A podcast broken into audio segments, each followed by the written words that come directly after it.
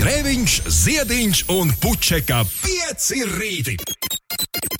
Eterā katru dienu starp 6 un 9. Lai teiktu mums visiem, labrīt!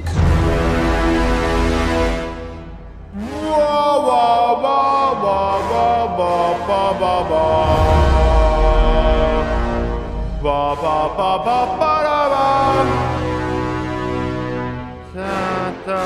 tā, tā, tā. Trešdiena ir klāta. Trīs, četri.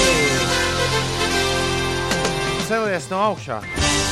Labrīt, Inesē! Labrīt!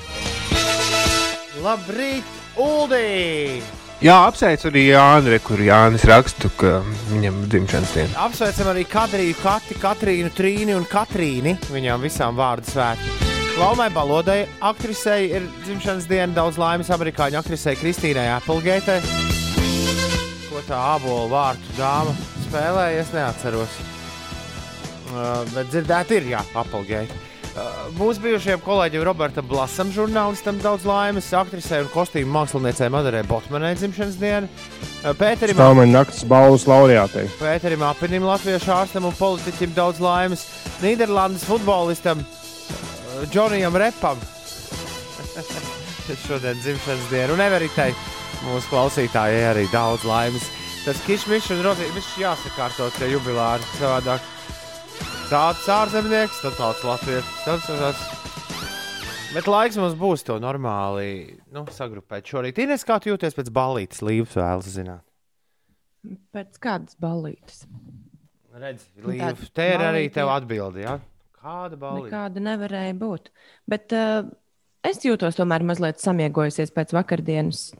Tā diena, kas man likās, ka būs pavisam rāma un mierīga, tāda nu, tiešām klusa, kas ritēs lēnu gaitu, tomēr bija uh, diezgan aizņemta, darbīga. Bija cilvēki, kas gribēja mani satikt. Līdz ar to es tā līdz galam neesmu izlasījusi visus savus apsveikumus, kas man ir atnākuši sociālajos tīklos, bet es apsolu to šodien izdarīt līdz galam. Jā, gala rezultātā es tāpat aizgāju gulēt ap pulksten vieniem naktī, un Auč, es neesmu izgulējusies. auč. Bet Nu, uh, tad ej gulēt. Ej gulēt, ja mēs tev. Ā, jūs atļaujat. Es tieši domāju, cik labi, ka man šodien nav jābūt studijā, ka man tepat mājās galdiņam pretī ir dīvāns, un ka kādā dziesmas laikā es varēšu pilnīgi mierīgi Nu, iesnausties. iesnaudies par kādam mazajai naudai uztaisīt dziesmu laikā. Tu labi zini, es arī tā esmu darījis. Nu, Jā, stāvot kājās. ne bieži, bet. Ne, kādreiz te bija studijā tāda kušetīte, atceries, Ulu? Kaut kādi pufi. Tie nebija pufi, tie bija tie veco laiku, tādi kvadrātiņi. Nu, tādi, Kvadrāti. tādi jā. kvadrāti, jā. Es uz tiem kvadrātiem vienreiz tā aizgulējos, ka Ulas aizmirst man pamodināt. Man liekas, bija kaut kāds desmit sekundes līdz dziesmas beigām, ka pēkšņi, pēkšņi bija jāceļas augšā. Nevis es aizmirsu, bet, bet Bet tu nevarēji pamodināt. Jā, protams, katru, uh, katru monētu var apskatīties no divām pusēm. Galu galā klēta arī. Vēlams, viņi sazina, kādā krāsā tur īsti bija. Labi, es vēlos atklāt šo rītu ar fantastisku meldiņu no manas sena drauga Ādama Grīna. Šis ir Dance with Me. Uzlaiža, uzlaižam vienu pēc dzimšanas dienas dēļu visi kopā. Baby, come dance. Baby, come dance with me. On TV, at the TV station. Es apmēram iedomājos, ka Līvs, Līvs šādi varētu spēlēt ģitāras solo baby, no 6 no rīta. dance with me. Pamodies. Jā. On TV, at the TV station. Ādams Grīns un Dance with Me. Baby, come with me. Baby, come dance with me. Labrīt, Katrīnas dienā, lai gan diez vai kāds to svin, kā senie latvieši, bet tradicionāli šajā dienā galdā esot likta vista. Pagaidiet, nu, tā kā mūsdienās visu laiku tiek likta galdā vista. Atenboro kungs tajā savā pēdējā filmā, savā testamentā, mums paliekošajiem teica, ka 98% pasaules putnu esot vistas. Tad nav, tad nav brīnums, ka kaut kas ar to Katrīnas dienu sagājis bišķiņu tūtā. Pat, nu, es ar to gribēju teikt, ka kādam citam ēdienam varbūt būtu bijusi lielāka iespēja Katrīnas dienu tā teikt, izvilkt arī līdz 21. gadsimtam. Uh, Vai tītara diena ir rītdiena, vai ne? Pateicības diena. 27. Vai tad ne ceturtdienā parasti atzīmē pateicības dienu? Un tad Man ir Black jautājums. Friday, nu, un tad ir, mel- jo melnā piekdiena ir piekdiena. Kas nozīmē, ka pateicības dienai vajadzētu būt rīt. Uh, labrīt, no rīta es jau atkal darbiņā un ceļā uz lidostu. Ziņo taksists Dīdzis. Prieks, Dīdzis, ka es ar mums Alfrēds ir pamodies. Viņš raksta, ka jūs neticēsiet, ko es vakar redzēju sociālajos tīklos. Mīļo, jauko smaidošo inisīti ar smukām austiņām. Bang, bang! Kas tev tās par austiņām? Manis pašas austiņām. Es nezinu. Es domāju, ka tā bija tā.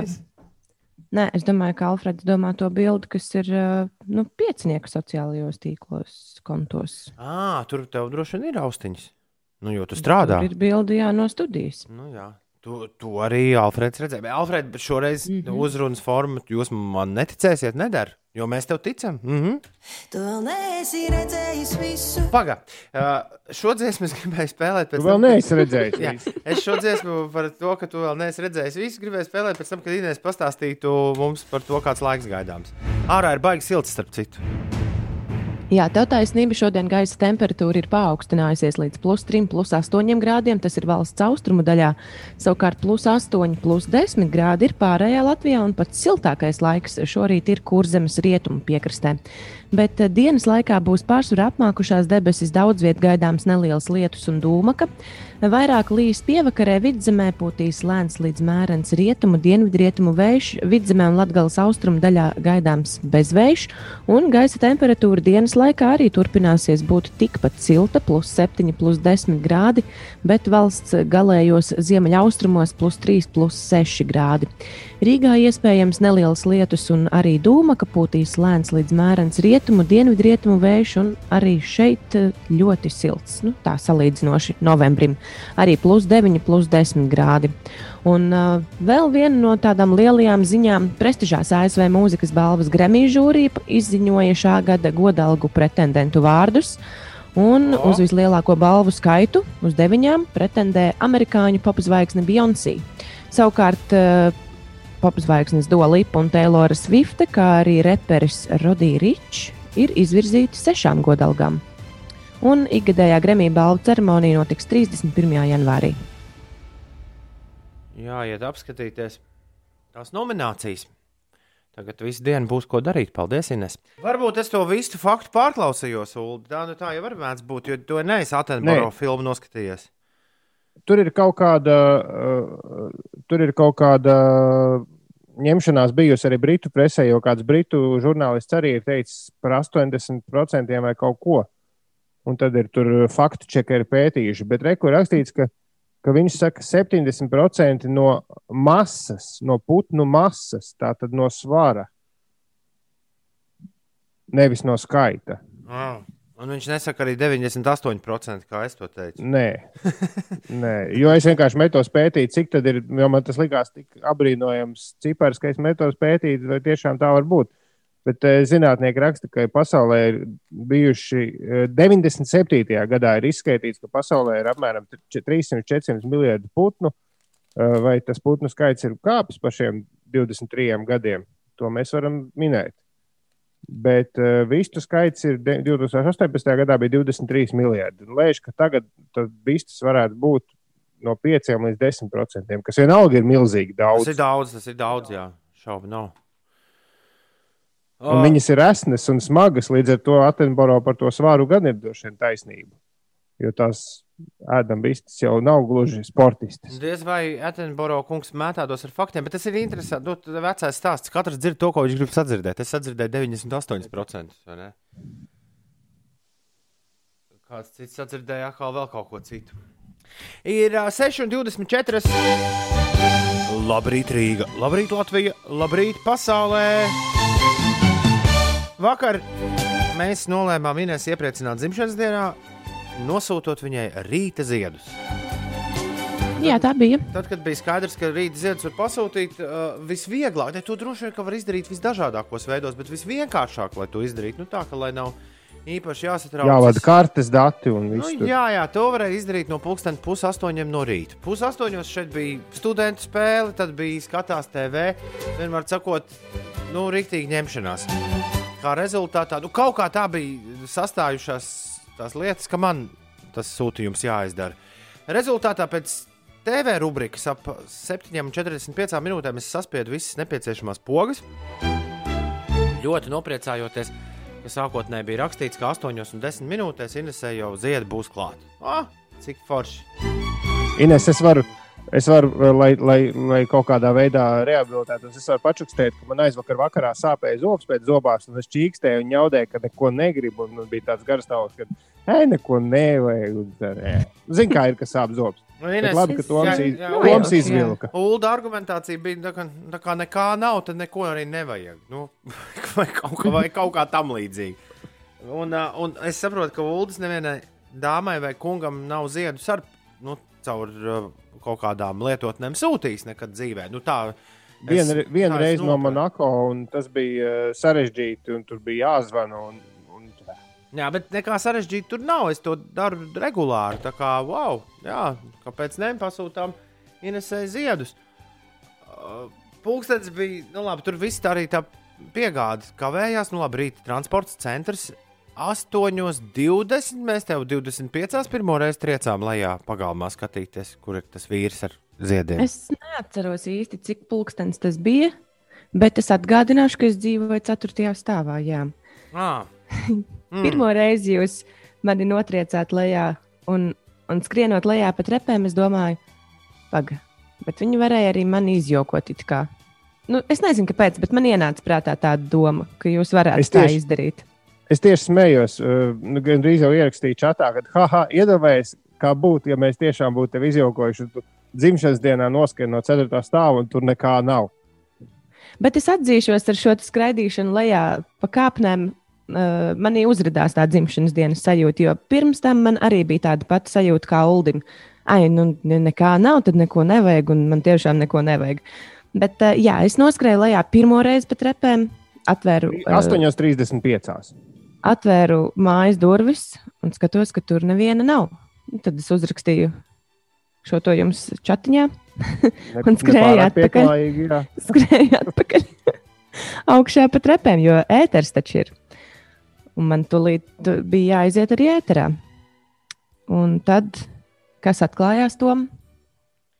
atklājās, ka es esmu nepareizi adresi pateicis, nu, ievadījis tur tajā lietotnē. Tu esi Inesi ie- ielicis dzīvot krietni glaunākā uh, rajonā nekā Ines dzīvo. Nē, nav Man- nekādas vainas. bet- Sākās ar to, ka vīrs un, un šajos piegādes servisos ļoti daudz vīri ir tādi, kuri nerunā latviešu. Man ar to nav nekādu problēmu, un arī nu, tālāk es stāstu paskaidros, ka problēma nav. Jo pirmkārt, viņi ir mm, viņu. Viņu dzīves prieks ir daudz lielāks nekā, nekā mums, kas dzīvojuši ir un uzauguši uh, šajos uh, platumgrādos. Tā ir viena lieta, otrs es runāju gan tekoši angļu valodā, līdz ar to, nu, jā, nu skaidrs, labi, cilvēks nerunā uh, labā latviešu valodā, mēs varam ļoti ātri pāriet uz angļu valodu. Un viņš man zvana, un viņš man saka, ka viņš netiekot iekšā. Nu, to, tobrīd mēs vēl nezinām, ka viņš ir citā adresē. Viņš netiekot Ineses iekšā. Un man bija nu, rūtīši teikuši, ka pie Ineses var būt cieta aizslēgtas durvis, un es domāju, ka tur ir tā vaina. Pēc tam es viņam zvanu, es saku, klausies, vecīties, esmu sajaucis adresi. Jo, ja, piemēram, Ines dzīvotu 73. numurā, tad es viņam 73. numuru viedā biju pateicis Ineses 37. numuru. Nu, tā kā sagriezis vienkārši cipariņus vietām.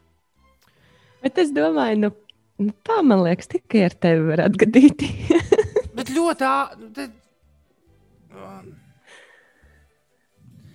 Ja es kādreiz strādāšu kādā citā eterā laikā, pastāvīgi, jūs redzēsiet, tādas visādas muļķīgas lietas. Tas, es to visu norakstu uz to, ka, ka ir nakts vidus joprojām, ļoti nākmiegs un tā tālāk. Un tad tev no tevis prasa cilvēki, lai tu kaut kādas trīs lietas dari vienlaicīgi. Vā!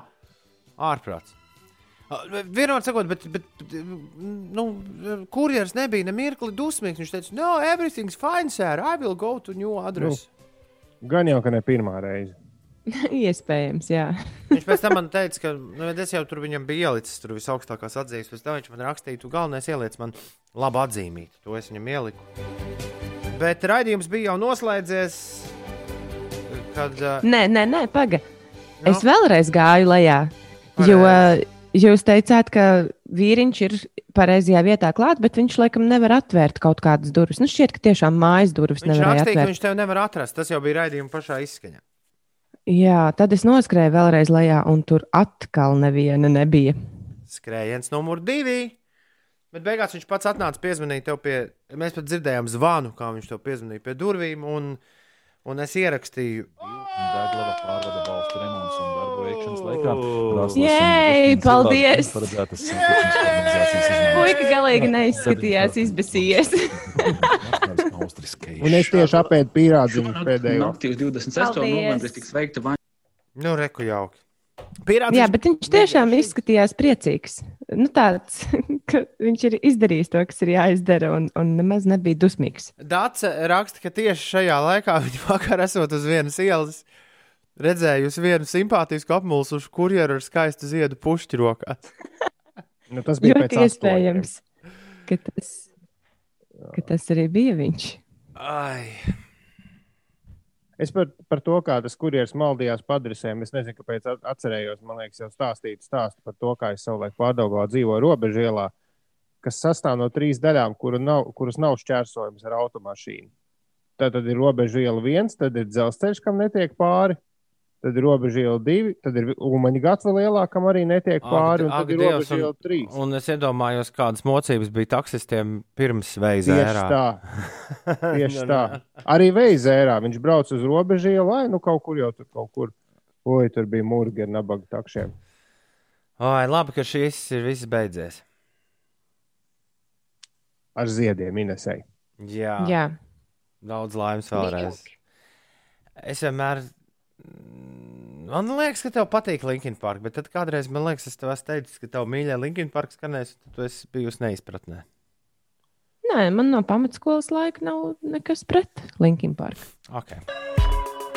Tad uh, mēs joprojām sveicam Inês svētkos ar Linkin Park šajā gadījumā. Mārtiņš saka, labi, ka īstā pilsēta tika norādīta. Dā, dā, dā, dā, dā. Paldies, Mār Paldies Mārtiņ. Manā tematu kastītē šim rītam ir divi temati. Dod 5 un cietais disks. Par ko jūs vēlaties parunāt? Par dod 5 vai par cieto disku 6,35 ūdens? Man jau liekas, kā. ka par to cieto disku. Par, Jā, cie- par, kaut kā tas. par cieto disku. Jums nav mājās cietais disks, kurā ir viss kaut kas iekšā. Ārējais Jā, ir. kā jums viņš Man ir divi, bet nav piesprāsti jau kādu gadu. À, Nekur. man ir viens, un viņš ir vienmēr konstanti pieslēgts klāt mēdīju playerim, nu, Blu-ray playerim. Bet man bieži vien bija sajūta, kad es pieminu ēterā Blu-ray playeru, ka 95% klausītāji nu, diez vai var saprast, kas tas ir. Tāpēc es to vienkārši saucu par mēdīju playeru, jo lielākoties mēs viņu arī izmantojam kā mēdīju playeru, jo viņam iekšā ir uh, YouTube.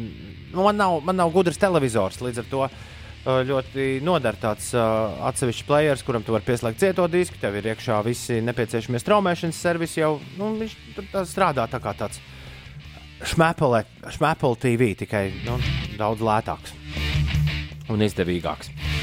Nu, jā, un, uh, un ir cietais disks.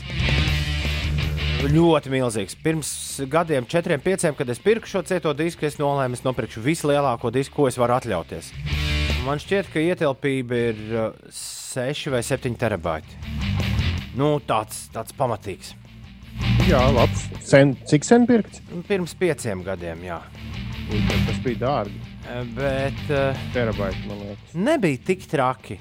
Bija iedārgi, bet nebija tik traki arī kā tur. tur tā. ir. Es, no, es saku, uh, tur bija tas, bija tas solis, kad vēl viens terabaits klāt, un tad būtu wow, tur drausmīgi daudz naudas.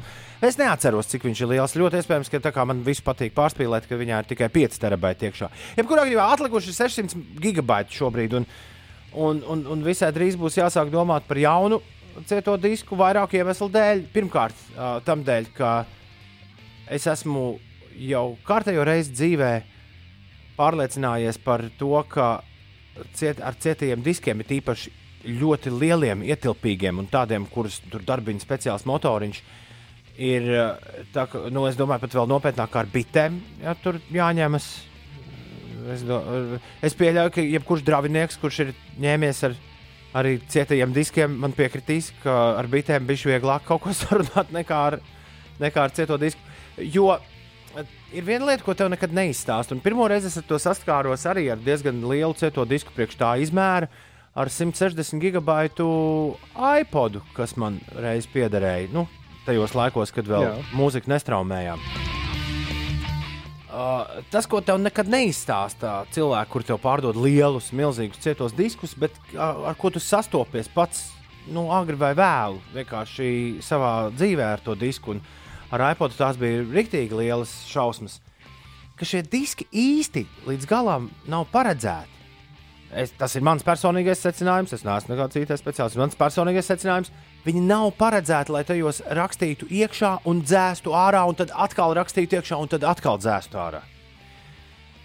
Jo nu, šajos diskos netiek rakstīts tā kā, tā kā mums normāli liktos nu, ļaudīm, tur netiek rakstīts tā. Nu, no vienas vietas līdz otrai tad, kad jūs kaut ko izdzēsat, tad, tad viss tā informācija mētājas pa dažādām tām diska vietām. Un tad, kad tu kaut ko izdzēsi, tad viņam pavisam traki. Viņam nākamais ir atkal jāraksta tur, nu, viss kaut kādi tur izmētāti un, un traki. Un līdz ar to viņš tur sāk jūgt prātā diezgan, diezgan ātri.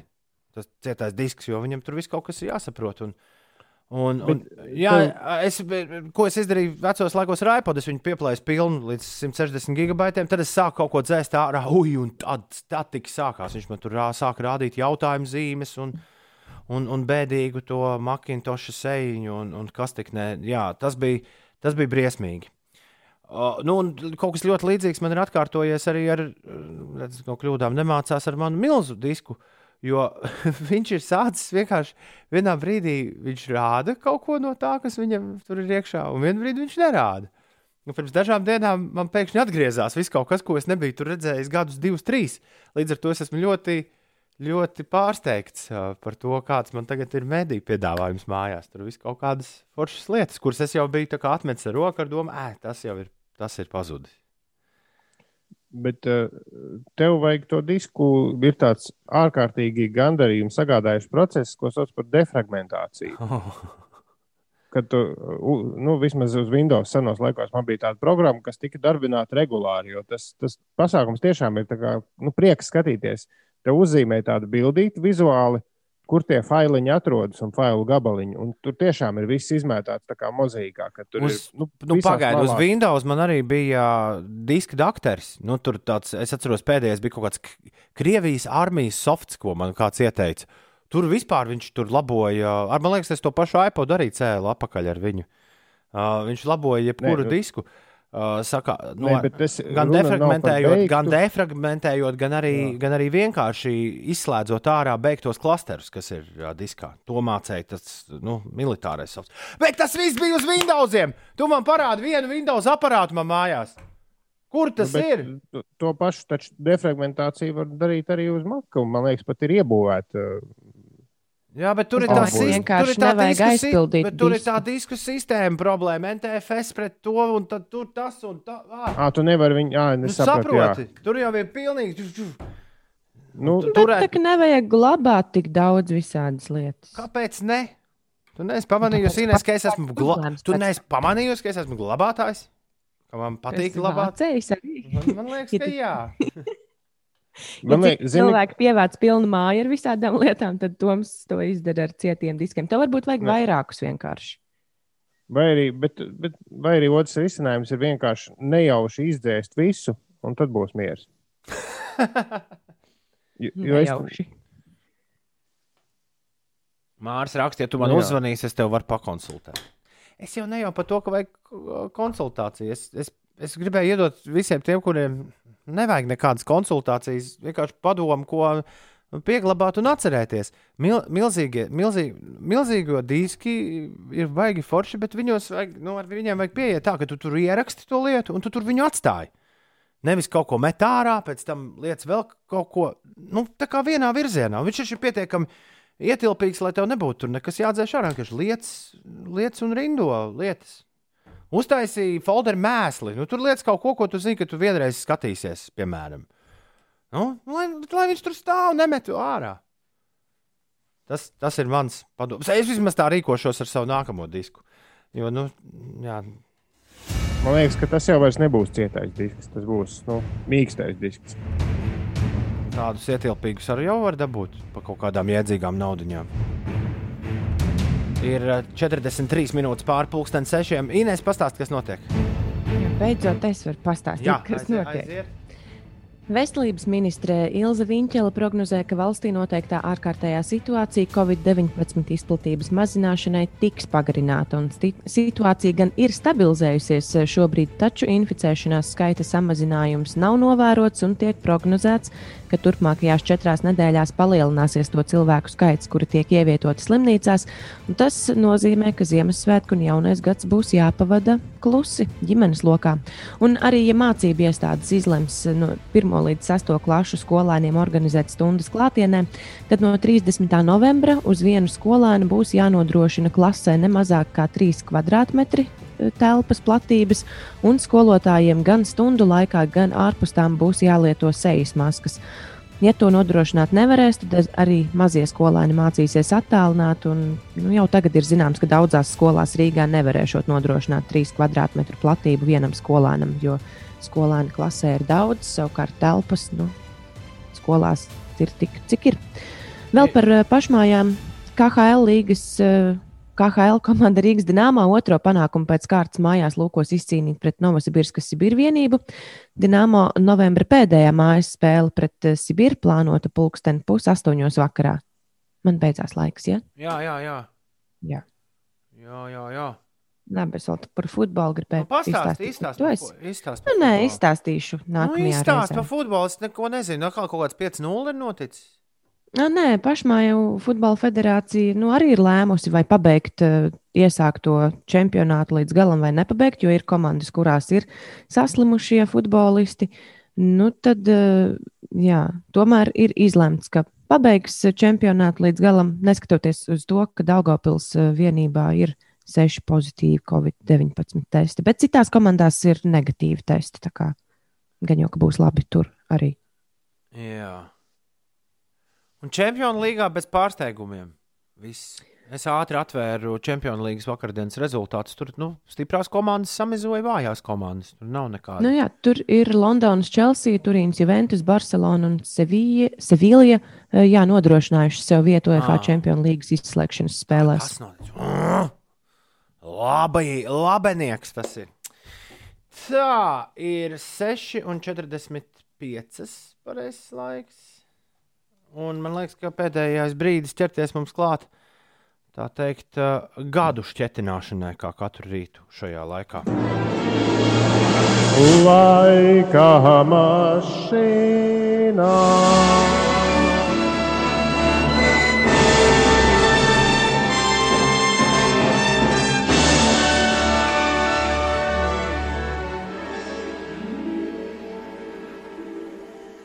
Tā, tā, tā.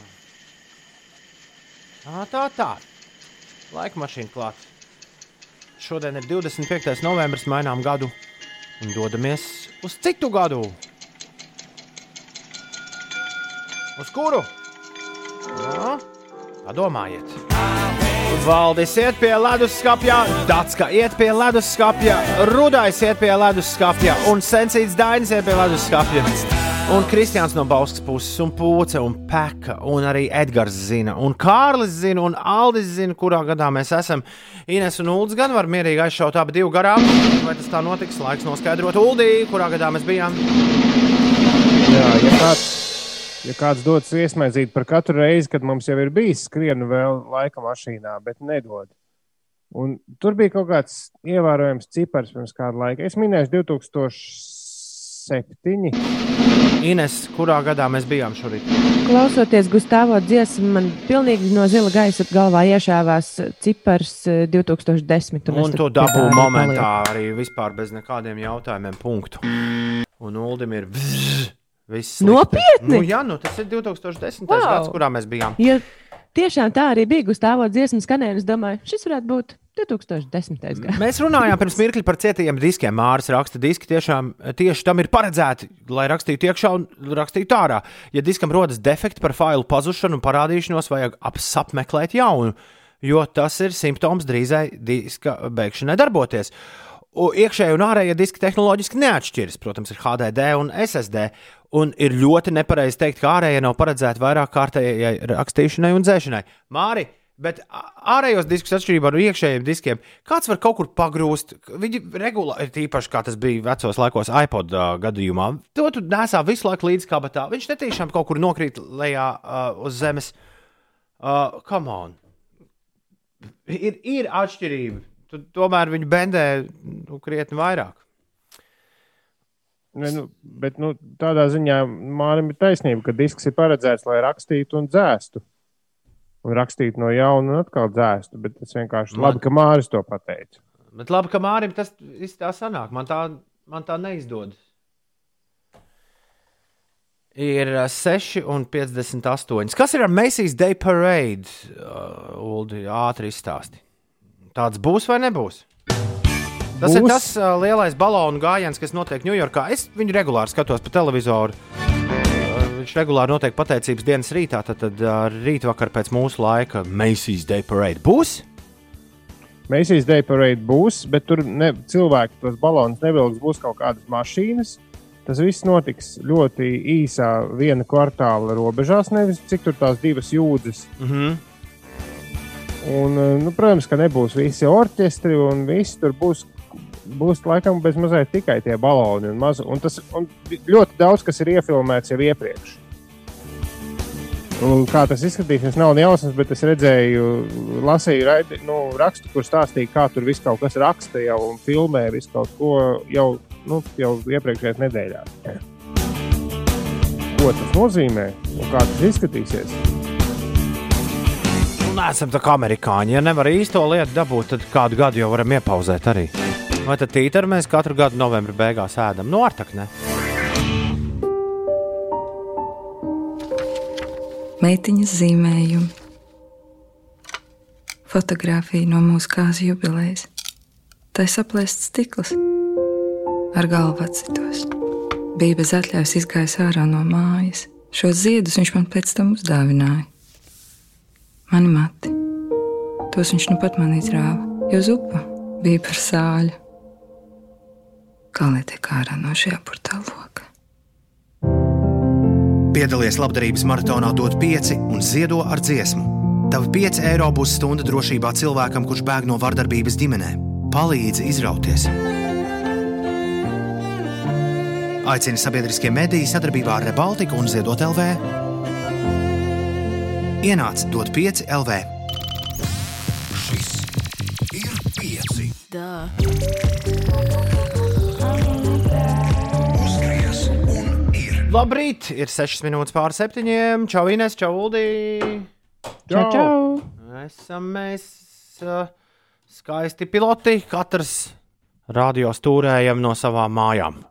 Es gan esmu, tas nozīmē, ka es dzīvoju domu laukumā, kas īsti nav taisnība. Šeit atrodos uh, tikai dažas stundas katru dienu. Bet joprojām esmu Doma laukuma studijā, Ulas mājās, Ines mājās, uh, Kate arī mājās. Ilžuks raksta, sveiciens mūsu sirdsmīļajai meitiņai Katei vārdiem. Sveiciens Kate tev! Mīļa, tikai mīļa. Sveiciens Artim Volfam! Čau, eterbiedri! Etera cilvēki! Sveiciens Interam Busulim! Toms Grēviņš! Ej! Tu nos! Jā, jā! Wow! Sveiciens! Uh, Jānim Reinikam. Labrīt! Te Lauris Reiniks! Celies augšā! Labrīt, kas par arī tikai tev? Tagad, Jā. es tikai tagad sapratu, ka Busuļa kungs gan arī nolimājas tajā fragmentiņā. Pēc eja tā saminstinās. Šodien ka, tiešām Kadrijai, Katei, Katrīnai, Trīnai un Katrīnai ir vārdu svētki. Daudz foršas dāmas šodien ierakstītas kalendārā. Kadrija, Kate, Katrīna, Trīne un Katrīne. Lai jums jauka diena! Aktrisei Laumai Balodai šodien ir dzimšanas diena. Robertam Blasam, mūsu bijušajam kolēģim, žurnālistam, daudz laimes. Aktrisei, kostīmu māksliniecei, spēļu nakts laureātei Madarai Botmanai daudz laimes. Latviešu ārstam un politiķim Pēterim Apinim un mūsu klausītājai Everitai. Daudz laimes dzimšanas dienā, lai viss izdodas!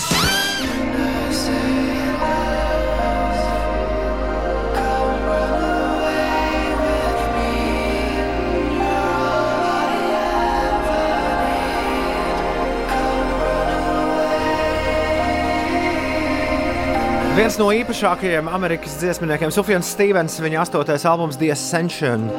80 minūšu gara epika un no tās Runaway with Me 7 un 18 minūtēs. Kā jau teicu, gandrīz Ziemassvētku dziesma. Ir eh, trešdien, 25. novembris, ir mazākā mēnesis atlicis līdz Ziemassvētkiem. Ir vien trīs nedēļas un viena diena atlikusi līdz labdarības maratonam, dot pieci laiks. Patiešām skrien vēja spārniem. Te nu mēs visi kopā esam. Sveiciens uh, saldajiem, saldajos 16 māsai dzimšanas dienā. Edgars raksta, saldos 16 māsa, lai tev, lai tev viss forši saldajos 16 un lūdzu nedara muļķības, lai Edgaram nav tur jāiet, jāiet skaidroties ar kaut kādiem čaļiem, piemēram. Labrīt, lai cik savādi tas nebūtu Kika raksts, sveicienu manai kaķenei Trīnai vārdu dienā. Nē, man tas viss normāli. Ka, kas, tieši, kas tieši ir uh, savāds tajā, ja apsveic kaķi ar radio palīdzību? It nekas. Ir 19 minūtes pār 7 minūtes, kas notiek. Skotija ir kļuvusi par pirmo valsti pasaulē, kas nodrošinās sieviešu higiēnas preces par brīvu. Vakar tika apstiprināts likumprojekts, kas nosaka, ka vietējām pašvaldībām ir juridisks pienākums nodrošināt, ka bezmaksas higiēnas preces, piemēram, tamponu un higiēniskās paketes, ir pieejamas ikvienam, kam tās ir nepieciešamas. Un, aptauja. Skotijā tika veikta arī aptauja, kurā piedalījās vairāk nekā 2000 cilvēku, un aptuveni katra ceturtā sieviete atklāja, ka skolā, koledžā vai universitātes laikā ir bijušas finansiālas grūtības iegādāties higiēnas produktus, tā ziņo BBC. Un, jāapsveic Skotija ar šādu soli, bet ar tādu pašu problēmu saskaras meitenes un sievietes arī Latvijā. Nu, ne tikai Latvijā, bet vispār pasaulē. Tāpēc Latvijas sarkanais krusts aizvadīto mēnešu garumā organizēja kampaņu Ziedo meitenēm arī ar mērķi sniegt praktisku un arī emocionālu atbalstu meitenēm, kuras menstruāciju dienās kavē skolu, pulciņus, netiekas ar draugiem un liedz sev daudzas citas aktivitātes. Tieši šāda iemesla dēļ, ka finansiālu apstākļu dēļ viņu ģimenes nav varējušas atļauties iegādāties attiecīgos higiēnas produktus. Vēl par ārvalstīm Polijā ir apstiprināti pirmie ūdeņu inficēšanās gadījumi ar jauno koronavīrusu. Tā paziņoja Gdaņskas medicīnas universitātes Daņskas universitātes zinātnieki, kas veikuši pētījumu sadarbībā ar veterināru ārstiem. Un par pašmājām, par laikapstākļiem šī diena būs visai silta, tā teikt, plus 7, plus 10 grādi. Latvijā būs pārsvarā apmākušās debesis, daudz vietā gaidāms neliels lietus un dūmaka. Es aizvadīju, aizvadīju tās 20 minūtes, pilnīgā pārliecībā, ka ir ceturtdiena. Es jau biju sagatavojis lielo sasaukšanos, tūlīt laist vaļā. Un tad pēkšņi tomēr pavēros kalendārā. O, nē, vēl ir tikai trešdiena. Lai jums tā negadās. Šodien ir trešdiena, vēl nav ceturtdiena, vēl nav arī, vēl nav arī piekdiena. Cementvedējs gan nav bremzē satiksmi. Ko tas nozīmē kandidāti? Ko tu tur raksti? Uh, Saula raksta, šodien pieslēdzos jums tikai tagad, vēlais rīts. Kā vakar beidzās puķu epopeja Inesai? To varēs noklausīties mūsu podkāstā. Mēs par to uh, riktīgi izrunājāmies pirms stundas. Ja tu kaut ko palaidi garām, meklē to e-punkts uz Slipsvītra podkāsts. Tur mēs esam dzirdami, kādu vien vēlēs. Vai arī var klausīties rīti.5.lv, kur šis rādījums visu laiku skan uz rīņķa. Pieci. Uzgriez un ir. Jauno vecāku rīts. Paparam, paparam, paparam, param, param, param, param. Labrīt, jaunie vecāki! Aiziet, viena rītrosme, 3, 4.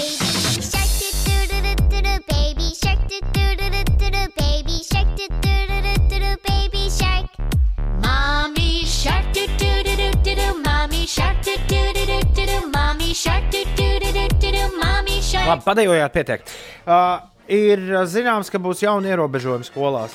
Un uh, vēlreiz Inês varētu izvilkt to ziņu, kā tur, kā tur oficiāli ir ziņot. Es uzreiz saku, ka man, es neesmu saņēmis vēl vēstuli no savas skolas, no, no savu pirmklasnieku skolas, bet man šķiet, ka viņi varēs kaut ko izdomāt tur, nu, to ievērošanai. Es vismaz ļoti Doma- ceru. Ir tāda, ka no 30. novembra skolas, kuras nevarēs nodrošināt. Uh, Jeb šo, te ir rakstīts tā, ka tās skolas, kuras lems mācīs, mācību procesu, tomēr organizēt klātienē no 1 līdz 6 klasē, tām skolām būs jānodrošina tas, ka vienam uh, skolēnam ir 3 kvadrātmetri no klases telpas. Un skolotājiem uh, stundu laikā un arī ārpus stundām būs jānēsā sejas maskas. Tas ir sākot no nākamās nedēļas. Jā, jā pareizi. Tas taču ir tepat aiz stūra 30. novembris.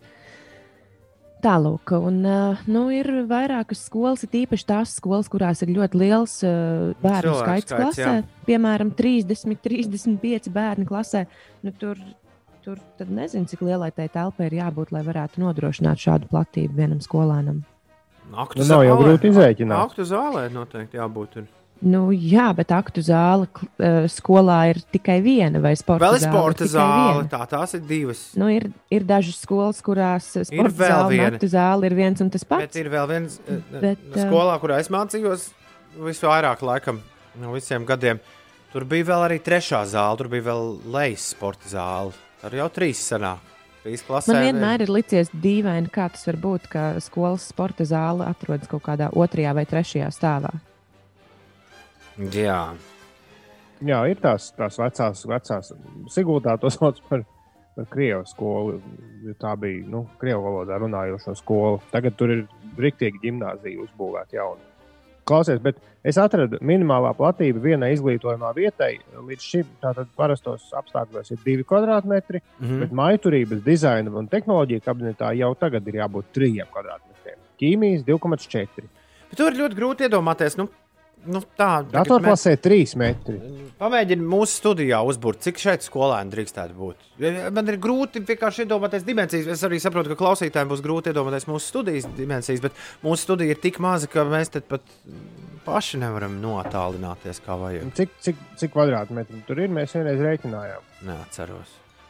Nebija deviņi. Tā tad Nē, trīs. devītā, tā ir devītā studija. 9 metri gara. Bet Man liekas, ka 9 metri varētu būt studijas garums. Tik daudz. Nu, jā, atcerieties, mēs rēķinājām 2 metrus starp cilvēkiem. Pagaidām, bet bērnu dārzam nav nekāda ierobežojuma. Ar bērnu dārziem nav. Bet, klau, bet, bet taču bērnu dārznieks pilnīgi speciāli ved ārā. Saģērba silti. Jā, tā ir. Viņi tur dzīvojas katru dienu. Un, un bērniem ir tik svarīgs svaigs gaiss. Kāpēc gan svaigs gaiss nevarētu būt svarīgi arī, piemēram, pirmās klases skolēniem apgūstot, nezinu, tur lasīšanu vai dabas zinības? Pie ugunskura. Nu, piemēram, nu, iet- lasīšana. Vai, ta- tagad mēs uh, Skolas. mācīsimies uh, par kukaiņiem, ejot pastaigā pa parku. Jā. Lūdzu, neaiztieciet ūdens tikai nekādā gadījumā. Nevarētu Jā, bet- teikt, ka tās tā viegli dabā sastopamas Latvijā. Bet, zināmā mērā, daudzus gadus runā par to, ka, ka, nu, ka ir tās mazās skolas, nu, kuras īsti nekāda neatmaksājas uzturēt, jo tur ir tik maz skolēnu palicis un tā. Bet iedomājieties, kā tās mazās skolas tagad Rīgas skolām tā. Haha, in your face, lielās Rīgas skolas. Jā, mums ir maz skolēnu, toties visiem ir vieta skolās, un mēs varam turpināt darboties, ja vien uh, mazās skolas nav uh, aizslēgtas un pārvērstas par kaut ko citu. Es šobrīd esmu iecerējis pārvākties uz mājām un uh, raidīt šo raidījumu no savas garāžas sākot no 7. decembra, tāpēc ka mums ir jānodistancējas no visiem cilvēkiem, kas ir saistīti ar DOT 5 desmit dienas pirms sākas labdarības maratons, nu, lai tur viss būtu kārtībā un neviens. Lai visiem būtu laba veselība, nu, teiksim tā. Bet, ja no 30, ja es uzzināšu tuvākajās dienās, ka no 30. pirmklasnieks paliek mājās, tad, tad es baidos, ka mēs jau nākamnedēļ sāksim attālināto, absolūti attālināto radio. Tas tik tā, brīdinājums.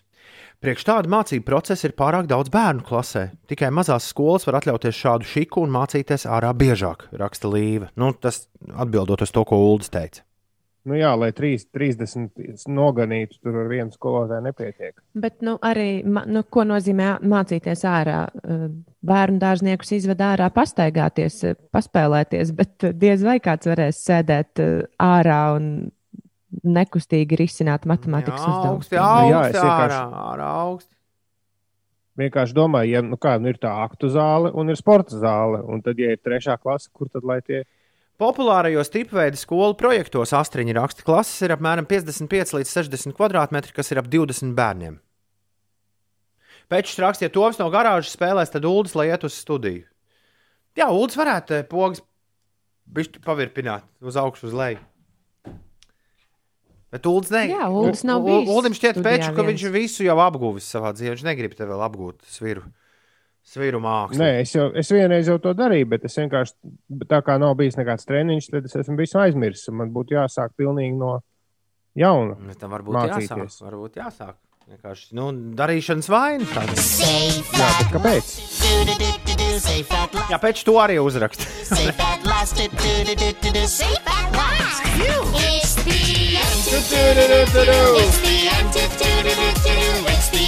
Izturību jaunie vecāki. Un tiem, kam pirmā līdz sestā klasē, ja, lūdzu, turam īkšķus viens par otru, lai tomēr izdodas turpināt skolas gaitas. Jauno vecāku rīts. Vēl pāris replikas par attālināto mācīšanos. Ieva raksta, uh, Latvijas, Latvijā dažos bērnu dārzos pamazām jau ievieš Norvēģijas bērnu dārzu praksi, ka bērni vairāk uzturas ārā. Pat siltajā laikā viņi guļ ārā. Protams, kad ir lielie mīnus, bērnus ārā neved, bet zinot to, ka Norvēģijā gan skolās, gan bērnu dārzos lielākā daļa bērnu uzturas ārā, mēs varētu sākt apgūt šo praksi Latvijā. Un lai jauka diena jums! Raksta Jā, mums ar tiem liel, lielajiem mīnusiem arī nav baigi bijis. Pagājušajā ziemā, starp citu, lielākie mīnusi bija tieši ap šiem datumiem. Bija rīktīga ziema. Tieši Tā, jā, un tad, laikā. un tad viņi atkāpās. un tad viņi izbeidzās. Jā. Tad viņi atkāpās un, kā izrādījās, uz visiem laikiem. Uh, Latvijā, Latvijā ūdens ir. Reiz gājām Dobelē ar bērniem barot pīles, raksta Arnis, un tur pie gulbju namiņa pie spodrības bērzes upē vienu sastapām. Jauku dienu! Tā kā tā Nē, es jau neteicu, ka nav. Bet uh, nu, Uldis teica, lai tie bērni uzmanās, ejot ārā no ūdelēm, nu, ejot ārā no skolas. Es teicu, ka nav jau tās ūdenes tik vienkārši dabā sastopamas, bet būt ir gan. Jā. Mācības varētu norisināties ierobežojumu skartajās nozarēs, ērglis, ja te fantazē. Piemēram, restorānos tur plašas telpas, un ēdināšanu arī varētu nodrošināt. Pareizi, taču ēdnīcā var notikt stundas arī. Taisnība. Taisnība. Jā, Ir, uh, Tad mums jau ir trīs telpas. Ir bez 20 minūtēm, 8 no rīta. Labrīt! Vecāko klašu skolēni guļ un vispār nesaprotu. Nedzird, ko mēs te tagad runājam. Jā, Tā kā mājās stundas, kad sāksies, es domāju, 5 minūtes pirms var celties augšā. Ir bez 28, Ines pastāst, kas notiek. Nu, izskatās, ka mēs būsim atrisinājuši to Rīgas skolu problēmu, jo mēs jau esam atraduši veselas trīs telpas, kur skolēni var mācīties. Tā kā dodiet tik kādu problēmu mums, mēs atrisināsim, tā izskatās.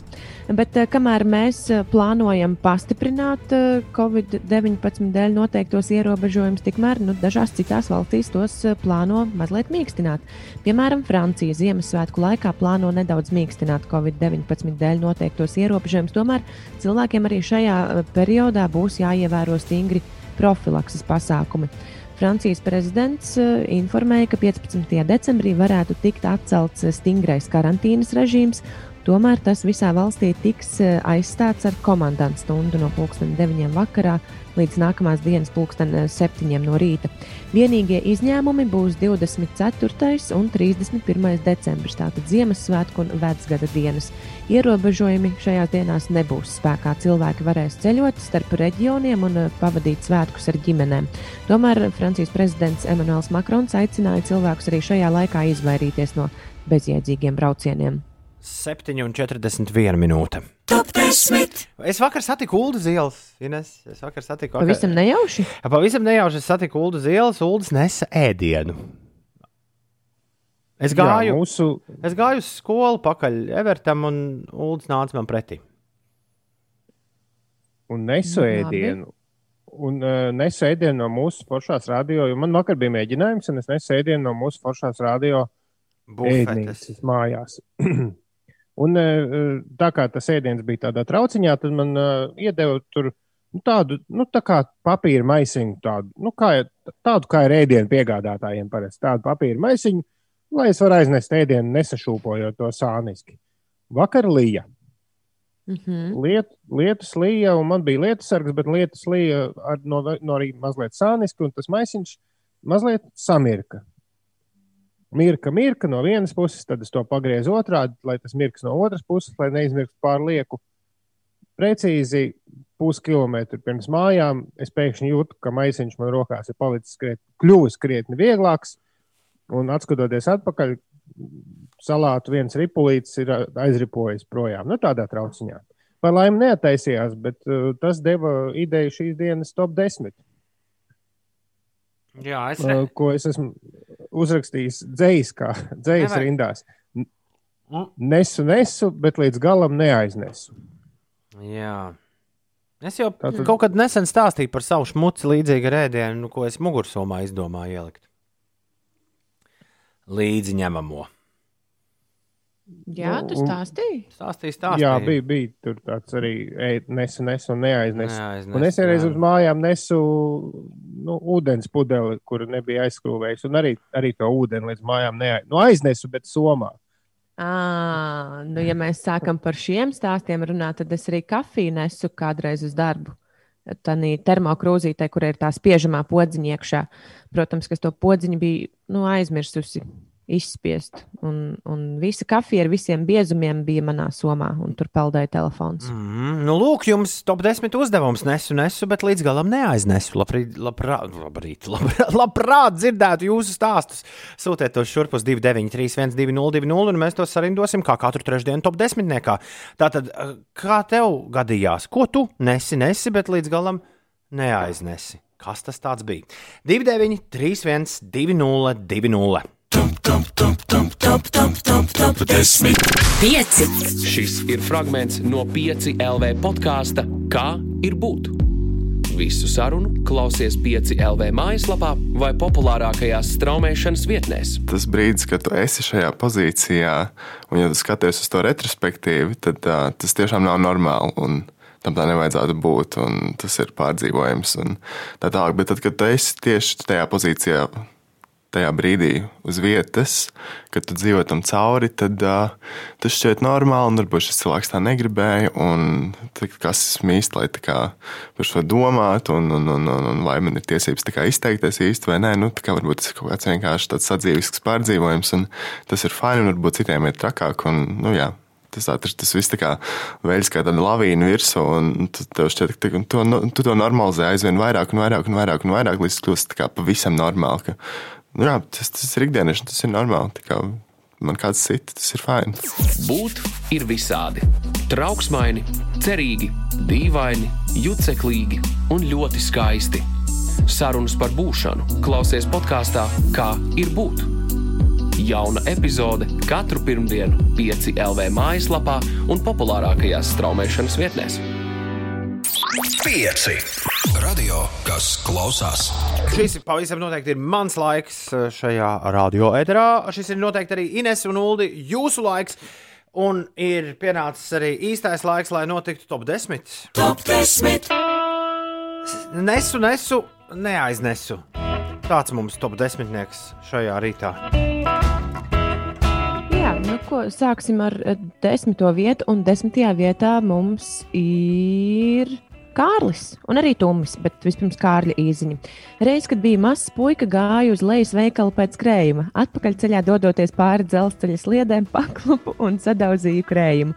Roka bija krējumā un nedaudz nu, arī asinīs. Oi, traki Kārlim gājas. Un Tumis ir atrakstījis, ka bērnībā bija tāds uh, trīs stūra piena pakas, kad uh, to ieliek tīkliņā un vilcienā un vicina kā propeleri, tad piens līdz mājām netiek. Jā, un tāpatās arī var pielikt klāt vēl viens, tikko atsūtīja kāds anonīms uh, par to, kā viņš kā puika sūtīts pēc burciņas, ar, uz, pēc krējuma ar burciņu, stikla burciņu. Un mazam puikam tas maisiņš nu, bija tā kā garāks, un pat trepēm nesot tā burciņa pa vienu pakāpienu, otru pakāpienu. Un beigās krējums tur arī palika. Pinti ķipinītis raksta klasisks, un viņam mēs dodam devīto vietu. Klasisks stāsts ar olām. Aizmirsu, ka mugursomā divas kastītes ar tām. Ar šunku sēdos vilciena krēslā. Somā bija arī dators, līdz ar to šmuca bija diezgan liela. Izdzīvoja 12 olas, un kā par brīnumu, arī dators. Tas ir laimīgām beigām. Astotajā vietā ir Anita. Viņa raksta, ka nesu nesu kafijas tornīti no trīs krūzītēm. Bija jau gandrīz klāt, kad mans tornītis sagāzās, un no trīs kafijām tikai viena tika dzeršanai. Šī gan, es esmu šim gājis cauri. Šī gandrīz vienmēr ir slikta ideja. Nest kafijas turnītī. Tā, jā, septītajā vietā anonīms klausītājs, kurš raksta dēls trīs gados Rosola bļodu. Uh, jaungada Nu, nesa, nesa. Nesa Rosa, Rosola bļodu jaungada vakarā. Sašķīda. Ārprāt, zinu, mēs visi ģimene bez Rosola paliek. Nu, Pūkstens cik 22, 3. Kur tu tagad, kur tu tagad tiks pie Rosola? Jāmēģina kaut kā no kaudzītēm nu, saglabāt. Jā. Sastajā vietā ir Kristīna, un viņas stāsts. eh, Viņa saka, ka viņa palīdzēja pārvākties draudzenei, un no piektā stāva nesot vienu kartona kasti, kāpņu telpas vidū, nu, tā izkrita no rokām un kasta sašķīda. Labā ziņa - iekšā drēbes, sliktā ziņa - apakšveļa. Kamēr visu salasījām, daudz kaimiņu sasmējās. Uz veselību. Masku lūdzu! Ja? Tā. Piektajā vietā Edgars. Pirmajā klasē nopirku lāsēnu paciņu. Nevarēdams izdzert to skolā, nu jo liels jau. Domāju, paņemšu līdzi uz mājām. Tādu atvērtu arī ieliku somā. Nu, protams, uzmanīgi, stabili. Vismaz tajā brīdī tā domāju. Mājās atvēru somu un viss bija slapjš un lipīgs. Kopš tās reizes neko atvērtu vairs somā nelieku. Un pareizi arī dara Edgars. Pareizi arī dara. un īstenībā ir gūta. Jā, pie Edgara klāta varētu pielikt, jo mums ir ļoti daudz stāstu atsūtīti par dažādām lietām, kas somās saplīsušas. Gan banāni, par kuriem aizmirsts, uh, Luīza aizmirst par banāniem un salika visas skolas lietas banāniem virsū, un tad vakarā tāds smaržģiņš tur. Gan par mātes doto zupu līdzi, kas arī bija mugursomā, burkā. Jā, mugursomu mēs varētu uztaisīt atsevišķu topu tikai no mugursomu stāstiem, bet paldies visiem! Jā. Jā, tie bija uh, piektajā vietā, un ceturtajā vietā ir Kristīna. Viņa raksta, labrīt, otrajā klasē kādā ekskursijā vajadzēja līdzi ņemt gumijas zābakus. Atpakaļ atbraucot un izkāpjot no autobusa, atceros, ka maisiņā bija abi. Bet mājās aizejot, bija vairs tikai viens. Jā, kur paliek tās otras kurpes? Mistika. Trešajā vietā Arčīs. Es reiz līdz toaletei nesu, nesu un neaiznesu. Ho, ho, ho, ho. Otrajā vietā ir Kaspars. Viņš raksta, vedu mašīnā kūku, izskrēja jaunietis priekšā uz ceļa. Kaspars kārtīgi nolicis pa bremzēm, un kā pa bremzēm, tā kūka pret priekšējo stiklu. Un šodien numur viens iegūst Lika. Lika raksta, svinējām tēta 50. jubileju, viesis sēž pie galda, un man 11 gadi bija jāienes šampanietis. Pudeli un glāzes uz paplātes jānes tik svinīgi iekšā. Bet es izlēmu, ka vajag tikšu to pudeli atvērt, nu vismaz noņemt to stieplīti. Izdarīju un cēlā gaitā ieslīdēju istabā, pēkšņi korķis izsprāgst, šampis izlaužas un apludina viesus, griestus, panika. Krīt priekškars. Nu, priekškars līdz ar to arī krīt mūsu šī rīta top 10. Top 10. Aiz strīpas kaut kas palika, Ulu, vērienīgs. Sūta vēl visu kaut ko. Arbūzus nevajag nest caurspīdīgajā maisiņā, un, un, un ir arī par stāstiem, kas vienkārši atstāta veikalā. Nu, ēdienas, piemēram. Kas ir atstāts? Nu, tu nopērci kaut ko, bet Nav, nemaz nesāc aiziet. nest. Vienkārši nopērci, samaksā un aizēja projām. Nu, vai paņem nākamais? Nu, jā, tā var gadīties. Paldies visiem, kas piedalījās top 10.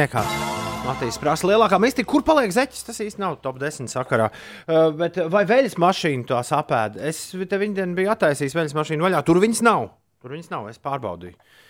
Veļas mašīna tās nēd. Šeit Latvijas Rādio 5, 5 LV vēl dod 5. Labdarības maratons nav sācies. Man viņdien, viņdien uh, viens vīriņš, viens vīriņš prasa, nu, kad tas sākat? Jau nākamā nedēļa. Nē, nē, tikai 17. decembrī. Kā vai tu jūs tur tikai nedēļu būsiet iekšā? Es saku, nu jā. Pa gadu bieži vien ļaudīm viss kaut kas aizmirsts. Vai drīzāk, nu, nekad jau nenotiek līdz galam arī daudziem nenotiek liela iedziļināšanās. Nu, ir zināms, tur ai, kaut kas tur notiek, tā tā. Bet uh, labdarības maratons dot 5 būs gaisā no 17. līdz 23. decembrim. Pagaidām mēs tam ļoti nopietni gatavojamies. Tik ļoti nopietni gatavojamies, ka vēl pagaidām par uh, gatavošanās aizkulisēm neesam daudz runājuši, bet par to agri vai vēlu būs jāsāk runāt. Jo es pieļauju, ka arī jums ir uh, nu, vis visādi jautājumi par to, kā šajos laikos mēs grasāmies izdarīt to, ko parasti esam darījuši pirms Ziemassvētkiem. Sešas minūtes pār astoņiem pagaidām gan vēl es tā nejūtu, ka šī saruna tā labi raisītos, bet gan jau paraisīsies kād, kādā citā reizē. Vai varbūt jau pēc minūtēm 20 vai 40. Labrīt visapkārt! Pirms mirkli mēs runājām par problēmu ar zeķiem, kuras pazūd. Santis raksta, problēma ar zeķiem es atrisināju, pērkot tikai vienu modeļa zeķis. Ja kāda pazūd, nav nekāda problēma, jo visas ir vienādas. Ņem tik nākošo. Es kaut kā Santa izdarīju līdzīgi, un viss ir feini. Es kā vetārs saku, koži visi. Visi koži. Labrīt! Labrīt! Cēlies augšā! Mūsu Rīga Latvijā! Ir trešdiena, 25. novembris. Šodien svētki, svētki, svētki! Kadrijai, Katei, Katrīnai, Trīnai un Katrīnai. Aktrisei Laumai Balodai dzimšanas diena, Robertam Blasam, žurnālistam, mūsu bijušajam kolēģim daudz laimes, aktrisei un kostīmu māksliniecei Madarai Botmanai daudz laimes, latviešu ārstam un politiķim Pēterim Apinim ir dzimšanas diena un Everitai kuru mūsu regulāri klausās. Man liekas, tieši pēc astoņiem viņai sanāk mūs dzirdēt. Everita ir dzimšanas dienā! Daudz laimes dzimšanas dienā, Everita tev, Everita tev. Pēdējo reizi, kad es runāju pirms kādiem pāris uh, dziesmām un ziņām, man bija arī kolēģi. Man ir vēl kolēģi. Halo, Uldīnes, jūs tur vēl esat? Jā, Jā. brīnišķīgi. Vienkārši nu, nav jau tā, ka būtu ko iestarpināt tavos runu plūdos. Tā, jā, kā aizplūst, tad ir, tad ir baisi. Ah, es vēl gribēju Ivaru Daņasevski apsveikt dzimšanas dienā. Ivar, daudz laimes, lai tev viss feini. Vai kādam vēl kaut kas sveicams? Ja ir, tad atsūtiet īsiņu. 2931, 202, Ines savukārt runā uzreiz. Nu, kā tu pats teici, ka jāsāk runāt, tad, kad jāsāk runāt, Jā, tad, lūdzu, lūdzu. jā es arī gribu apsveikt nu, Sveic, dažus sveic, cilvēkus sveic dzimšanas nost. dienā. Sveic nost. Nu, redz, Jurģis Sudārs šodien svin svētkus. Jurģi, daudz laimes. Jā, lai stipras rokas klintīs kāpjot. Jurģi, lai viss feini. Tā ir astoņas minūtes pāri pulksten astoņiem. Vai man ir kāda dziesma dziedama? Mm. Ir, ir. Es vēl neesmu tik daudz vis kaut kā šodienas raidījuma scenārijā. Tur ir plūst informācija pār malām, ka nevar, nevar līdz galam tikt galā.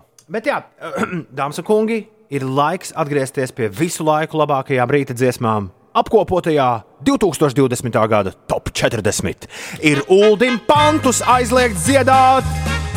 Ko? Nu, nē, nav tā, ka viņš dziedāt nemāk. Reizēm viņam dziesma tīri labi sanāk. Bet tad ir studijā dziedāt, jānāk, ne visas jādara attālināti. Lai labāk uzdzied kāds no talsiem, kopā ar skaļām kora balsīm. Šis vīrs prot, prot arī taurē iepūst, jā, prot, un balonu vislielāko piepūst, bet viņu dzirdēsim nedaudz vēlāk, jo es vēlējos ievadīt rīta dziesmu, rīta dziesmu topu. Es vēlējos ievadīt rīta dziesmu topu kā alažu ar nu, kacekli par to, kas mums ir gaidāms. Mēs traucamies straujiem soļiem pozīcijas numur viens vai ne, virzienā.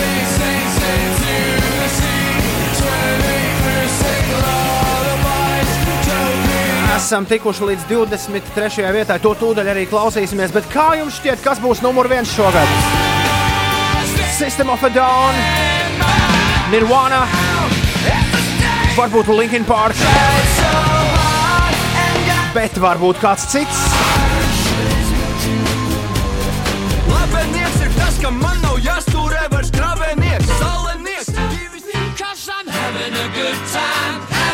Visu laiku labākās rīta dziesmas tikai un vienīgi šeit, Latvijas Rādio 5,5 LV, 5 rītos.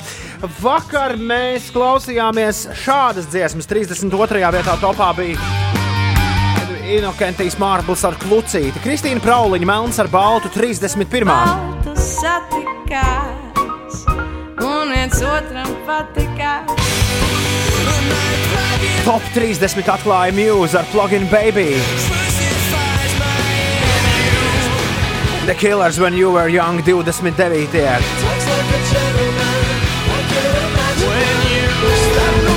Southern Lights negribu piezemēties 28. vietā. Rammstein, Deutschland, numur 27.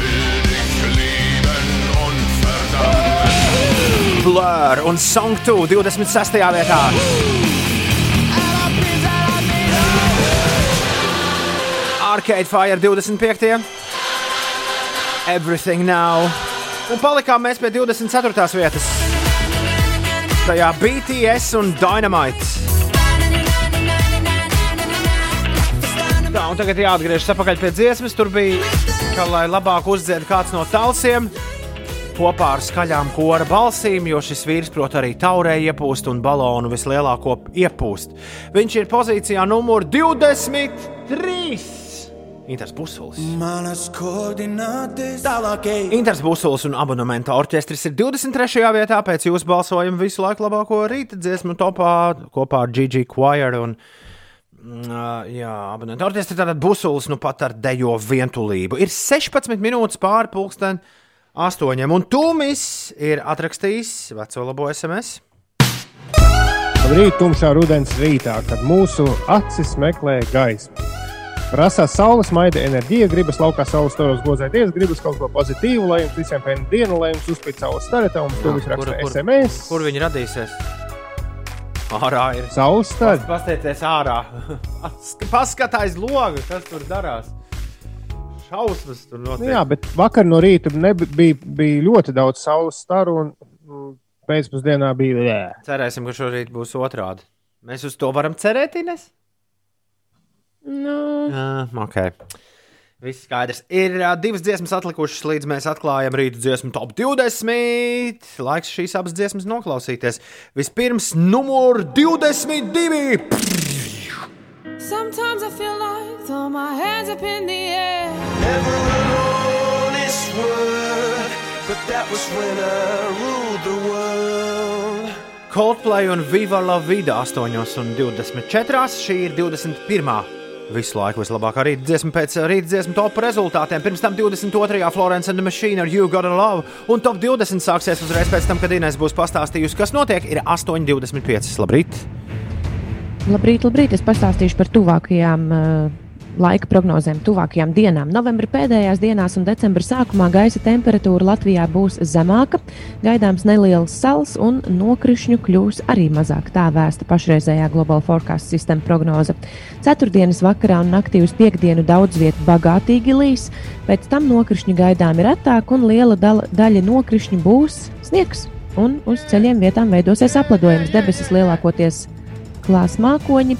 Tuvākajā diennaktī kurzemē vēl gaidāms siltums līdz plus 9 grādiem, bet piekdien pūšot mērenam ziemeļu ziemeļrietumu vējam vidzemē un latgalē gaiss atdzisīs līdz 0 grādiem un vietām nedaudz sniks. Sestdien un svētdien galvenokārt pūtīs lēns ziemeļaustrumu vējš un gaisa temperatūra gaidām no plus 5 grādiem un mīnu, līdz mīnus 5 grādiem un siltāk tradicionāli kurzemes piekrastē vēsāk vidzemē un Latvijā. Arī nākamnedēļ nav gaidāms liels augstums, gaisa temperatūra visticamāk nebūs zemāka par mīnus 10 grādiem. Valsts austrumu daļā var veidoties noturīga sniega sega, bet prognozes pagaidām ir dažādas. 8 un 26 ir pareizais laiks. Labrīt! Solvita Ulda ir pamodusies. Viņa prasa, kā un kur var nobalsot par rīta dziesmām. Ui, tas ir pavisam vienkārši. Uh, dodies uz nākamā gada rudeni, 2021. gada oktobra vai novembra sākuma drīzāk. Un tur būs laika mašīna. Jā, un tur būs droši vien kaut kāds links, un šajā linkā meklē, ar, jā, meklē kur var nobalsot par nākamā gada rīta dziesmu topu. Jo par šī gada topu vairs nobalsot nevar. Balsošana ir beigusies. Mēs esam apkopojuši rezultātus, un manā priekšā ir, un jūsu priekšā ir 20 visu laiku vislabākās rīta melodijas pēc mūsu klausītāju kvoruma domām. Un pēc mūsu klausītāju kvoruma domām, numur 20 ir. Das sind Rammstein mit dem äh, Lied Sonne auf dem 20. Platz auf äh, äh, Morgenlied Hitparaden auf dem Latvijas Radio 5. Cik kļūdas bija Ulu? Um, dažas. Labrīt, Rāmsteina ir tā grupa, kas vienmēr uzvelk un palīdz skrienot vai cilājot dzelžus. Jaudīgu un sporta dienu, uh, sportisku dienu ikvienam. Dainārs. uh, Jā. Vēl, un Sants šo klausoties, saka, pietrūkst koncertu. Pietrūkst koncertu. Rāmsteina un Zonē atklāja Rīta dziesmu top 20. Jūs balsojāt, mēs balsis saskaitījām. Un numur 19 ir Gačo. Rekords grīdas stampāšana. 8,32 starp citu, pareizs laiks. Es ceru, ka neviens neko nekavē, un es ceru, ka nav nekādu sastrēgumu. Vismaz jūs neesat ne par ko sūdzējušies, un tas ir labi. Labrīt! Forši, forši manējā stampā grīdu ielika Rāmsteinītim. Ingūns priecājas. Diemžēl Ingūns viens cits Rāmsteinītis ir vēl augstāk. Pušas te jau bārstu. Bārstu tādas pērles, kuras nedrīkst bārstīt. Saule raksta, ka iekšā gačā snappā grīdu tā garā partija izklausās, ka viņi būtu iedziedājis Normans Pauniņš, grupas otrs puses solists. Un Agris ziņo, ka gačā stampā grīdu ir ideāli dziesmu skābējot kāpostus. Tad labi stampājas. Tu esi mēģinājis skan, tos kāpostus stampāt? Ulu?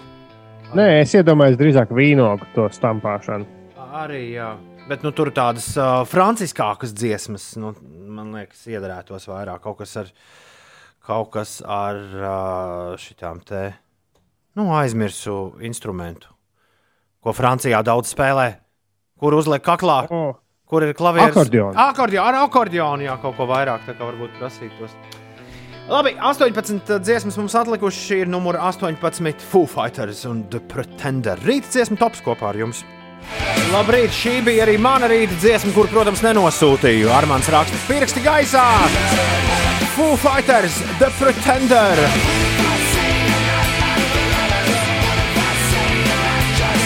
Ja tik jaudīgi sāks 20. raksta Santas, bail iedomāties, cik jaudīgs būs pirmais desmits. Tam mēs tuvojamies milzu soļiem.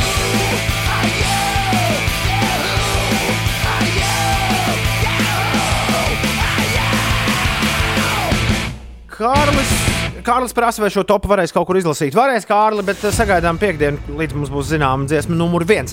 Šobrīd ir bez 29. Inês pastāst, kas notiek. Labāka gaisa kvalitāte pēdējās desmitgades laikā ir ievērojami samazinājusi priekšlaicīgas nāves gadījumu skaitu Eiropā. Tomēr jaunākie Eiropas vides aģentūras oficiālie dati liecina, ka gandrīz visi eiropieši joprojām cieš no gaisa piesārņojuma, un tas ir iemesls, ka visā kontinentā priekšlaicīgi mirst aptuveni vairāk nekā 400 tūkstoši cilvēku. Kopš 2000. gada galveno gaisa piesārņotāju emisijas no transporta ir ievērojami samazinājušās, neskatoties uz pieaugušo mobilitāti un ar to saistīto siltumnīca efekta gāzu emisiju pieaugumu. Arī ar energoapgādi saistītās emisijas ir ievērojami samazinājušās. Tomēr ēku un lauksaimniecības radīto emisiju samazināšana ir bijusi lēnāka. Un, kā norādīts ziņojumā, sešas Eiropas Savienības dalību valstis - Bulgārija, Horvātija, Čehija, Itālija, Polija un Rumānija 2018. gadā pārsniedza bloka noteikto smalko daļiņu robežvērtību, bet četras Eiropas valstis - Igaunija, Somija, Islanda un Īrija - smalko daļiņu koncentrāciju nu, bija samazinājušas eh, pat līdz Pasaules veselības organizācijas vadlīnijām, kas ir stingrākas nekā Eiropas Savienībā noteiktās atkal ir kāda vieta, kur Igauni mums ir priekšā. Un šorīt es neesmu nemaz runājis par sastrēgumiem. Un jāsaka, godīgi, nu, varētu arī teikt, ka tie nemaz nav Varētu arī nerunāt. Jā, vienības gatavē tikai 6 minūtes jākavējas, un citvietā aptuveni 3 līdz 4. Tā kā viss mierīgi Rīgā. Feinigan! Pirms gada mums rīta dziesmu topā bija, man liekas, 50 prodigiju dziesmas. Šogad tikai viena viena. Un tā atrodas šeit, pozīcijā numur 18. Nē, numur 17. Fufaitas bija 18. Jā. Prodigy un Breeze. Uh, ir degvielas uzpildes stacija, kur cilvēki iešūpojas pie Prodigy, jo tur skan pieci. Un vēl tās maskas uz sejām sanāk mini-reiva tusiņš. Bet, uh, ne- neviens, nav, neviens nav atcēlis aizliegumu dejot, draugi mīļie. To gan atceramies. Ja? Tīpaši, ja jūs šobrīd atrodaties tajā pašā degvielas uzpildes stacijā, kur atrodas vetārsts, kurš mums no turienes raksta. Nu, Paga, paga, paga. Neviens nav aizliedzis dejot. Ir aizliegts eh, pasākumos, diskotēkās. Tas ir kaut kas pilnīgi cits. Tev neviens neliedz. Uh... Dejot benzīna tankā, tu gribi teikt, ir atļauts? Es tādu to Kāpēc ne? neteiktu. Labākais tops, ko esmu dzirdējis, raksta ērglis no Liepājas ezera. Vajadzētu kādu konkursu, kāds būs top 10. Uzspē, uzspēlē pats ar sevi, uzrakst, kāds tev šķiet būs top 10. Lai visiem izdevusies diena, atā, jālaiž strādāt. Čau, Ērgli, atā. Čau! Labrīt, pēc, labu! pēc garās brīvdienas skriešanas sāpēja Tas ausis. nebija mums. Aldis raksta. Labrīt, pēc garās brīvdienas skriešanas sāpēja ausis, bet šī rīta skaļās vibrācijas iekš Zviedru auto ārstē. Paldies! Priekā! Un, kā te raksta, es šorīt patiešām izjūtu tādu milzīgu sprādzienu sirdī un smadzenēs pret jums un balsotājiem. Juhu! Un es te gribu, lai es definēju dejošanu. Tas ir tad, kad kājas veids kaut kādu ritmisku zīmējumu. Tad tā ir dejošana. Šī bija runa par restorāniem, kafejnīcām un bāriem, kuros cilvēki ceļas no galdiņiem vai, vai, vai, vai dodas uz deju placu, lai tur dejotu. Ne jau par to, ka cilvēks kustas kaut kā ritmiski. Labi, uh, darbie degvielas uzpildes stācijas klausītāji. Turpiniet dejot, tikai dziesma tagad gan bišķiņ mazāk jaudīga būs. Lai visiem jaudīgs dienas sākums, tum, tum, tum, tum, tum, un nenotiek darbā kaut kāds trakums vai pilnīgs kā rakums, kad jāsauc talkā santehniķi, jo klozet podam rīta niķi. Ak, kas par stiķi, jā. Vēl seši patsmit dziesmu topā paliek. Jau rītās turpināsim skandēt, bet tagad jāiet slāpes remdēt. Un kādas ziņas interesantas dzemdēt. Uldim gan tās jau ir uztapušas. Jā, top 16 mēs turpinām rīt pēc pulksten astoņiem, taču tagad. Interesantās ziņās aiziet!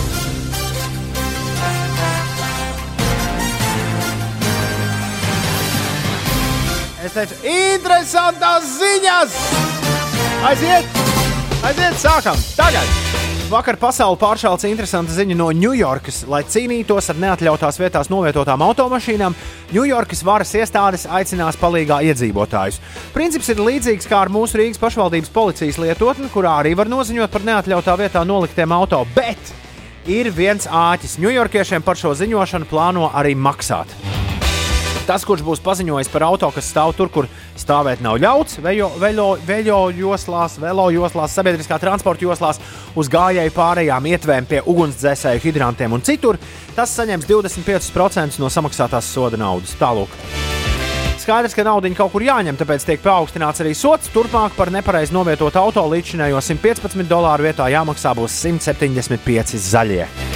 Pagaidām, Tātad, eh, tātad tas, kas noziņos, saņems apmēram 42, 44, nu kaut ko tādu. Izklausās Ņujorkas bezpajumtniekiem pēc jauna biznesiņa. Pagaidām gan šis likums ir tikai apstiprināšanas stadijā, taču, ja tas stāsies spēkā, tikšot izveidots īpašs tiešsaistes portāls, kurā varēs noziņot par pārkāpumiem. Un te mēs atgriežamies pie mūsu pašvaldības policijas aplikācijas. Kā būtu, ja arī mums 25%, jeb 10 eiro saņemtu tas, kurš ziņojas par pārkāpumu? Ines, atceries, kā tu pukojies par busiņiem, kas tev stāvēja priekšā velo joslā. O, jā. Mm. Jā. Protams, ka cilvēku teiks, jā, šī ir stučīšana, bet nu, kā nu, ja tu pārkāp, tad nu, nu, Tad tu pārkāp, nu tu taču Tu skaidri apzinājies, ko tu dari. Tā ir tā brīdī, jo tā ir izvēle. Evo, klausieties, ir uzstādīts jauns Netflix rekords. Kā vēsta uzņēmuma Twitter konts, tas seriāls par meiteni, kur ā, redz grieztos kā šādu spēlē, ir kļuvis par visu laiku populārāko straumēšanas servisa oriģinālu seriālu. Tieši limited series ja, kategorijā, ja es pareizi Jā. saprotu. Nevis vispār seriālu, bet limited series seriāla kategorijā. Un limited series ar to mēs saprotam seriālus, kuriem ir viena sezona. Nu, principā tikai kaut kādas 6, 8, 10 sērijas un viss un cauri. 62 miljonu maisaimniecību piesēdušies paskatīties The Queen's Gambit seriālu Karalienes Gambitu uh, pirmajās tajā 28 izrādīšanas dienās. Netflix publicējis vēl dažus interesantus faktus.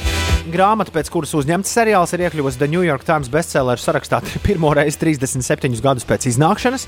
Un Google meklētajā frāzē How to play chess, jā, Google meklētājā šī frāze How to play chess ir sasniegusi augstākos rādītājus pēdējo deviņu gadu laikā. Es tam citu arī uzliku, pateicoties šim seriālam, šāhu savā telefonā. Un ar robotiņu šādu un tādu uzspēlēju. to chess.com. Nē, nezinu. Tagad man jāskatās un jāmeklē. Nē, nē, nevajag. Savukārt pamēģināju pa īstam uzspēlēt. Nu, uz īsta šāda Tu- galda. tu Es nebiju nekad iepriekš Tu spēlējis. apspēlēji tēti, vai ne? Jā, jā. Es tiešām esmu Českom sev uzlicis. Tā man bija tāda iesācēja veiksme, es domāju. Okay. Eju, klausies, Ines. Nākotne ir klāta.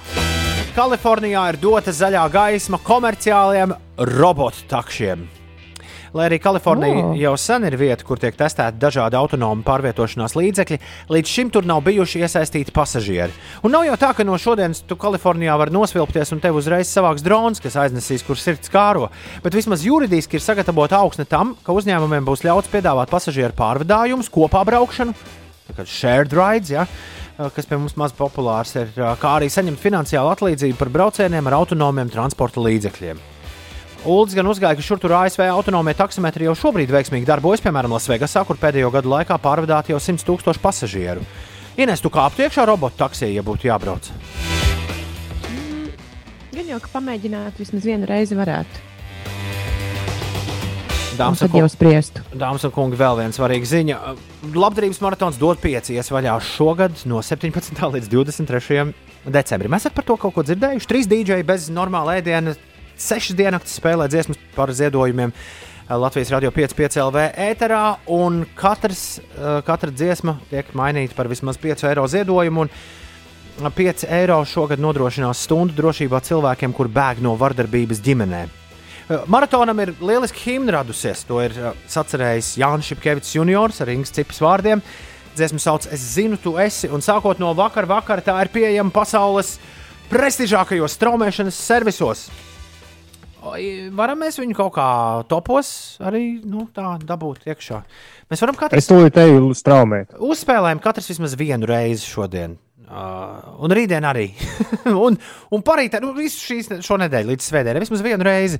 Vienalga, vai tu esi Šmēpels mūzikā, vai Spotify, vai, vai Šmaidalā. Vienalga, vienkārši uzspied un, un, un noklausies šo dziesmu.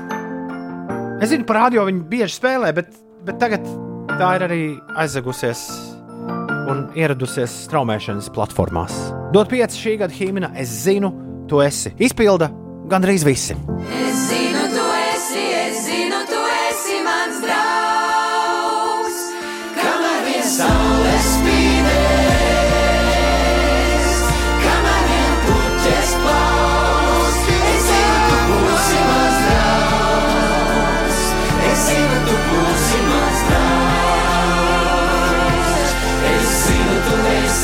esi, es